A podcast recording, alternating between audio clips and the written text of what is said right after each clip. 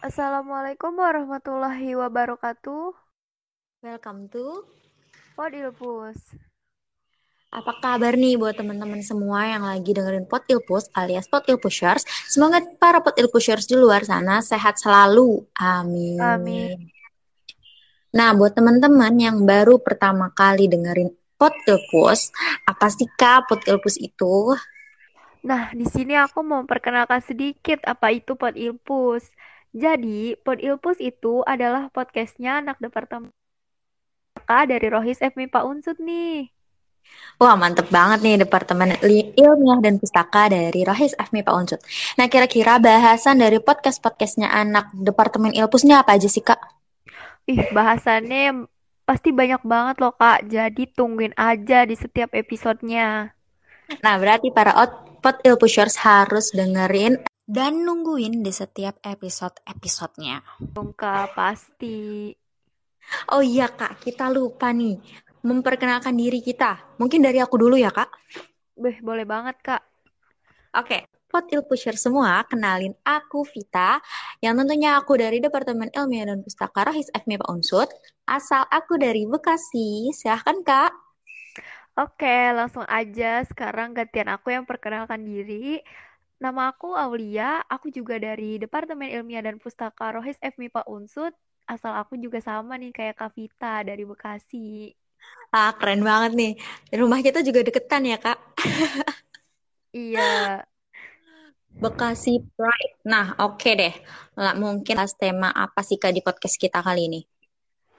Kita akan bahas tentang media sosial dan juga jejak digital ya, Kak. Oke. Keren banget nih. Karena temanya ini sangat relate sekali dengan anak-anak Gen Z zaman sekarang, ya kan, Kak?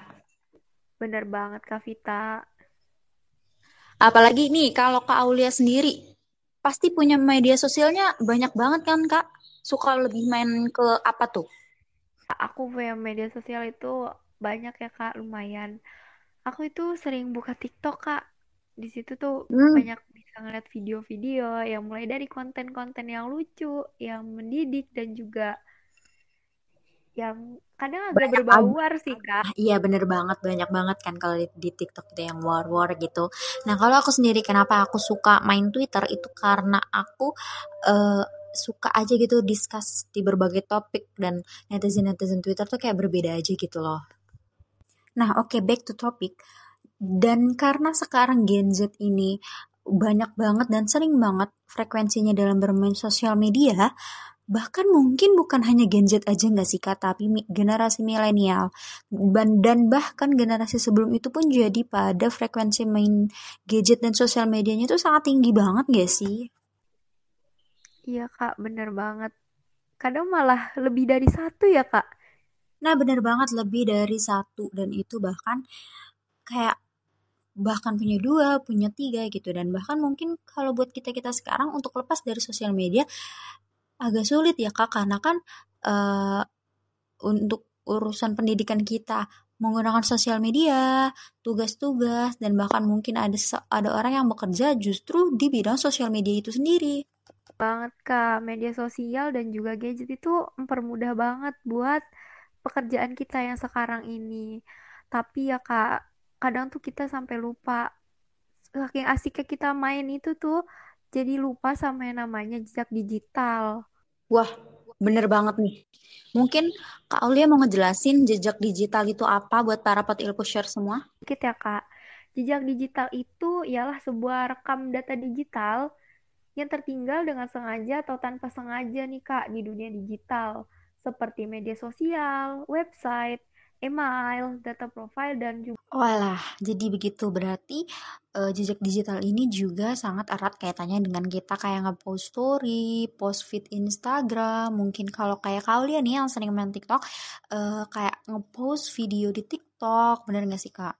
Tapi saat kita nge-post tentang story itu, kita belum berpikir panjang apa akibatnya dari story tersebut, lalu em, ini udah baik belum ya, ini udah udah dapat dikonsumsi publik belum ya atau ini bersifat aib tidak ya begitu kan Bener banget Kak Vita. Jadinya kita tuh diharapkan untuk hati-hati ya Kak dalam menggunakan internet ini.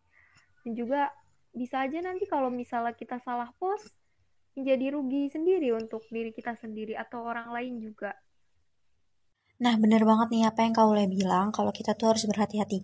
Nah, mungkin Kaulia uh, tahu apa uh, dampak negatif uh, selain itu gitu dari uh, kalau kita tidak berhati-hati dalam bermain sosial media.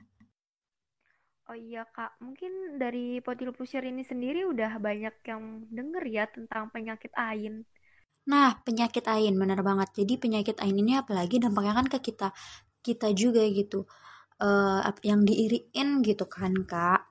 Nah, mungkin Kak Aulia bisa lebih detail lagi. Nah, jelasin apa yang tadi Kak Aulia bilang. potil pusher semua kita jangan bercoba dalam bermedia AIN atau bersosial media. Penyakit AIN Selain ini itu, yang, yang kita jarang nih, Kak, dari apa ya, mata jarang sadari bahwa dalam bermain sosial media juga kita media sosial. gak nggak nggak jarang yang, justru berujung pada laporan ke kepolisian gitu. karena entah mereka ngepost sesuatu yang salah hmm, ngepost sesuatu yang gitu gitu seharusnya nah berarti setahu aku juga nih Kaulia ya izin menambahkan nih Kaulia efek dari orang yang mungkin dikena yang misalnya nih aku iri nih kak. Kaulia abis ngepost sesuatu di story atau di uh, feed Instagram. terus aku ngeliat yang kayak ih cakep banget ya Kaulia gitu. terus timbul rasa iri. Jadinya tuh itu malah bisa bikin sesuatu buruk malah ke Kak Aulia gitu. Entah nanti besoknya malah jerawatan yang kayak gitu-gitu gitu. Oleh karena itu kita harus banget membekali diri kita sebelum bermedia sosial yang pastinya dengan ilmu, ilmu agama. Benar gak sih Kak? Bener Kak. Dan juga nih kalau misalnya kita melihat sesuatu yang bagus nih Kak di Instagram atau di media sosial lainnya ya, jangan lupa untuk mengucap Masya Allah ya Kak. Wah, keren keren. Ini buat berarti ini buat pesan para pot il pusher semua dan pastinya buat kita berdua ya, Kak. Jangan jangan lupa untuk selalu bilang Masya Allah untuk keindahan uh, ciptaan Allah gitu kan, Kak? Iya, Kak Vita, betul. Oke, mungkin tadi udah disebutin dua nih berarti kan uh, bisa berujung ke pelaporan di, dihukum gitu kan karena mungkin kita uh, ngepost sesuatu yang bersifat, bersifat private atau mencemari nama baik seseorang dan yang kedua tadi ada yang namanya penyakit ain. Nah lalu kau lihat Nih aku mau ngasih tahu juga nih buat para pot ilmu semua yang pastinya juga buat kita berdua ilmunya ya. Ada yang namanya kesialan beragama kak. Kau lihat tahu nggak nih kesialan beragama yang gimana yang aku maksud? Wah, Kak, aku baru denger nih. Nah, nih mungkin ya Bu, aku akan aku jelasin buat para pot pushers dan mungkin Kak Aulia dan pastinya ilmu buat aku juga. Jadi kesialan beragama yang dimaksud itu adalah bisa terjadi kalau misalnya seseorang tidak benar-benar selektif dalam belajar agama. Jadi kan banyak nih Kak, kita belajar dari sosial media yang sumbernya juga kita belum ketahui. Terus kita nggak tahu nih main main lewat aja di beranda kita juga nggak tahu misal kalau dia di so, di sosial media itu nge-share hadis kita juga nggak tahu ini hadisnya sahih atau enggak. Sih kalau lihat orang yang sekarang tuh justru malah belajar di internet which is itu nggak salah. Tetapi lebih baiknya kita punya guru guru yang kita ketemu secara langsung yang kita juga tahu backgroundnya kayak gimana begitu Kaulia. Oh, oh iya, iya Kaulia. Iya iya gimana tuh Kaulia Oh iya Kak Vita, bener banget nih. Kadang juga dapat menimbulkan hoax ya Kak. Hmm, bener banget. Bener banget, itu bener banget. Apalagi waktu zaman pilpres kemarin itu kan wah hoax di mana-mana. Apalagi Bekasi itu panas banget sih politiknya. Ih, bener Kak Vita, nggak cuma cuacanya ya ternyata. Bener-bener. Suasana politiknya tuh panas banget, parah banget nih buat para Hotel Pushers yang belum tahu ya, waktu zaman ya 2019-an tuh waktu mau ya kan itu mau perpindahan periode ya Kaulia dan itu emang benar-benar hoax di mana-mana. Banyak uh, ya semuanya jadi serba panas gitu. Dan kebijakan sosial media itu sangat sangat diharapkan, sangat diutamakan gitu. Nah, lanjut nih Kaulia. Mungkin uh, lanjut lagi ke topik yang tadi. Kalau misalnya banyak banget orang-orang yang belajar agama dari internet, yang mana sebenarnya itu ya nggak masalah. Tapi masalahnya belajar di internet ini dijadikan uh, yang paling utama gitu. Masalahnya kalau dia ingin emang benar-benar memperdalam agama lebih dalam lagi, itu lebih baik uh, dia mencari uh, sosok guru yang emang dapat ditemuinya secara langsung dan backgroundnya jelas, biar uh, kita juga sesuai belajarnya gitu. Bener Kak Vita. Karena ya sebelum yang tadi Kak Vita bilang ya, kadang ada kekeliruan, kekeliruan itu ya Kak Hmm, benar. Yang mungkin yang yang kayak yang tadi yang kita lihat kan nah mungkin nih kan Kak Oleh suka buka TikTok nih kan dia di FYP sering lewat kan yang kayak tentang ya orang tentang yang ceramah atau hadis-hadis gitu. Sedangkan kan orang mungkin bacanya langsung diserap aja gitu kan Kak Aulia tanpa tahu ini ini hadisnya sah. Ini bener nggak ya ilmunya gitu. Iya bener Kak nah, Vita kadang juga mm. ada yang cuma mendengarkan setengah terus langsung ngambil kesimpulan gitu aja ya kak Nah, itu itu dia, itu yang yang parah banget. Malah kadang ada yang cuman dengerin setengah, belum dengerin sampai full ya kan. Akhirnya terjadi yang namanya kesalahpahaman, yang kayak gitu-gitu yang itu yang sebenarnya dihindari gitu.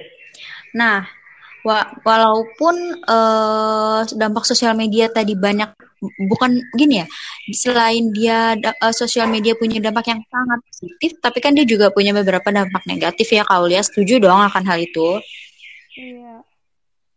Setuju banget nah. Kita hal ini menjadi sebuah kehati-hatian bagi masyarakat. Kita saat ini ada di era post-truth atau pasca kebenaran. Memang sudah ada di dalam kehidupan saat ini nih. Nah, era post-truth sendiri itu berarti di mana sebuah kebenaran bisa saja dianggap salah jika selalu didengungkan di media sosial sebagai suatu kesalahan dan begitu juga sebaliknya. Suatu kesalahan dapat dianggap sebagai suatu kebenaran jika terus-terus didengungkan di dalam sosial media dianggap sebagai suatu kebenaran. Jadi, uh, sesuatu yang salah bisa saja jadi benar ketika di, di sosial media ya dianggap benar. Waktu kemarin-kemarin ya panas-panas tentang LGBT, ya kan ya Kaul ya, berarti uh, Kak Aule ini kan pengguna sosial media juga. Kak Aule pasti uh, tahu dong akan kabar-kabar itu. Iya Kak, aku juga kemarin sempat denger-denger kayak gitu. Dan ya bahaya banget gak sih Kak? Benar banget. Untuk nyaring sosial, untuk menyaring informasi dari sosial media itu sangat dibutuhkan, ya kan Kak? Iya Kak, bener banget. Iya betul. Jadi uh, ya kita harus apa ya semakin bijak. Apalagi ya kan kita udah udah udah pada gede-gede gitu kan. Jadi kita harus tahu harus bijak juga. Nah selain itu kak ternyata jejak digital juga bisa menghancurkan karir karir masa depan. Jejak digital juga bisa menghancurkan karir masa depan Kaulia serem banget ya sih? Ih iya kak. Bener banget. Kan jadi di jejak eh di internet itu ya kak, setiap pengguna itu pasti ninggalin jejak digital ya kak, atau bisa disebut juga riwayat penggunaan media digital. Nah itu dapat dilihat lagi loh kak oleh orang lain. Nah contoh-contoh jejak digitalnya tuh kayak gimana sih kak? Iya kak, contohnya itu ada penyebaran foto atau video, terus juga komentar juga bisa loh kak yang diberikan di media sosial itu terus juga ada informasi yang dituliskan di media sosial. Misal seperti uh, tanggal ulang tahun gitu kak. Oh, benar-benar. Juga siapa? Oke berarti itu emang kau ya. Jadi uh, kita nih berdua sepakat bahwa uh, sosial media itu punya dampak positif benar nggak sih kak? Tapi di sisi ya. itu juga punya dampak negatif yang teman-teman meski mesti tahu gitu. Apalagi uh, jangan sampai kita pakai sosial media kita malah dapat dosa jariah dibanding amal jariah. Benar gak sih? Bener banget. Nah, maka dari itu nih ya, penting banget nih bagi kita semua buat hati-hati kalau menggunakan internet. Terus juga hmm. harapannya itu kita juga punya jejak digital yang baik dan bersih ya Kak Vita. Bener banget Bener banget. Biar nanti, karena kan yang ditakutkan sebenarnya bukan jejak digital yang ada di sosial media aja nih Kak. Tapi nanti saat kita di akhirat nanti, amal kita dihitung dan jejak jejak-jejak semua kita yang ada di, di dunia, bukan hanya jejak yang ada di digital aja diperlihatkan, kan kita malu ya Kak. Aduh dosanya banyak banget. Ternyata di di, di, di, di dunia digital, di dunia sosial media, dosa kita juga banyak banget. Jadinya kan jadi kayak, ya ampun dosaku banyak banget nih. Mungkin kebijakan itu menjadi salah satu uh, kunci buat teman-teman, buat para petil pushers yang lagi dengerin, buat uh, semakin bijak lagi gitu. Sama berhati-hati ya kak. Benar-benar, jangan mungkin kalau mau ngepost dipikir-pikir dulu, benar nggak sih kak? Karena kan mungkin takut nih uh, kalau lagi ngepost story atau ngepost uh, stories ya yang lebih sering. Kita lagi nge-storyin teman-teman ternyata ada teman kita yang yang berhijab tapi auratnya lagi tersingkap kah? Atau lagi nggak pakai kerudung dan nggak sengaja masuk frame dari story kita kan? Takutnya itu juga apa ya uh, membuat dampak buruk juga begitu ya kan Kaul ya? Bener Kak Vita. Hmm tuh Bener banget. Pokoknya yang kita omongin di sini insya Allah berguna. Oke, mungkin kita langsung ke penutup aja kali ya Kaul ya. Kayak udah lumayan banget nih waktunya. Karena kita mau dilanjut nugas juga. Semoga waktu yang sebentar ini tetapi bisa bawa hal positif bisa ngingetin teman-teman juga yang pastinya ngingetin kita berdua ya Kaul ya. Iya Kak.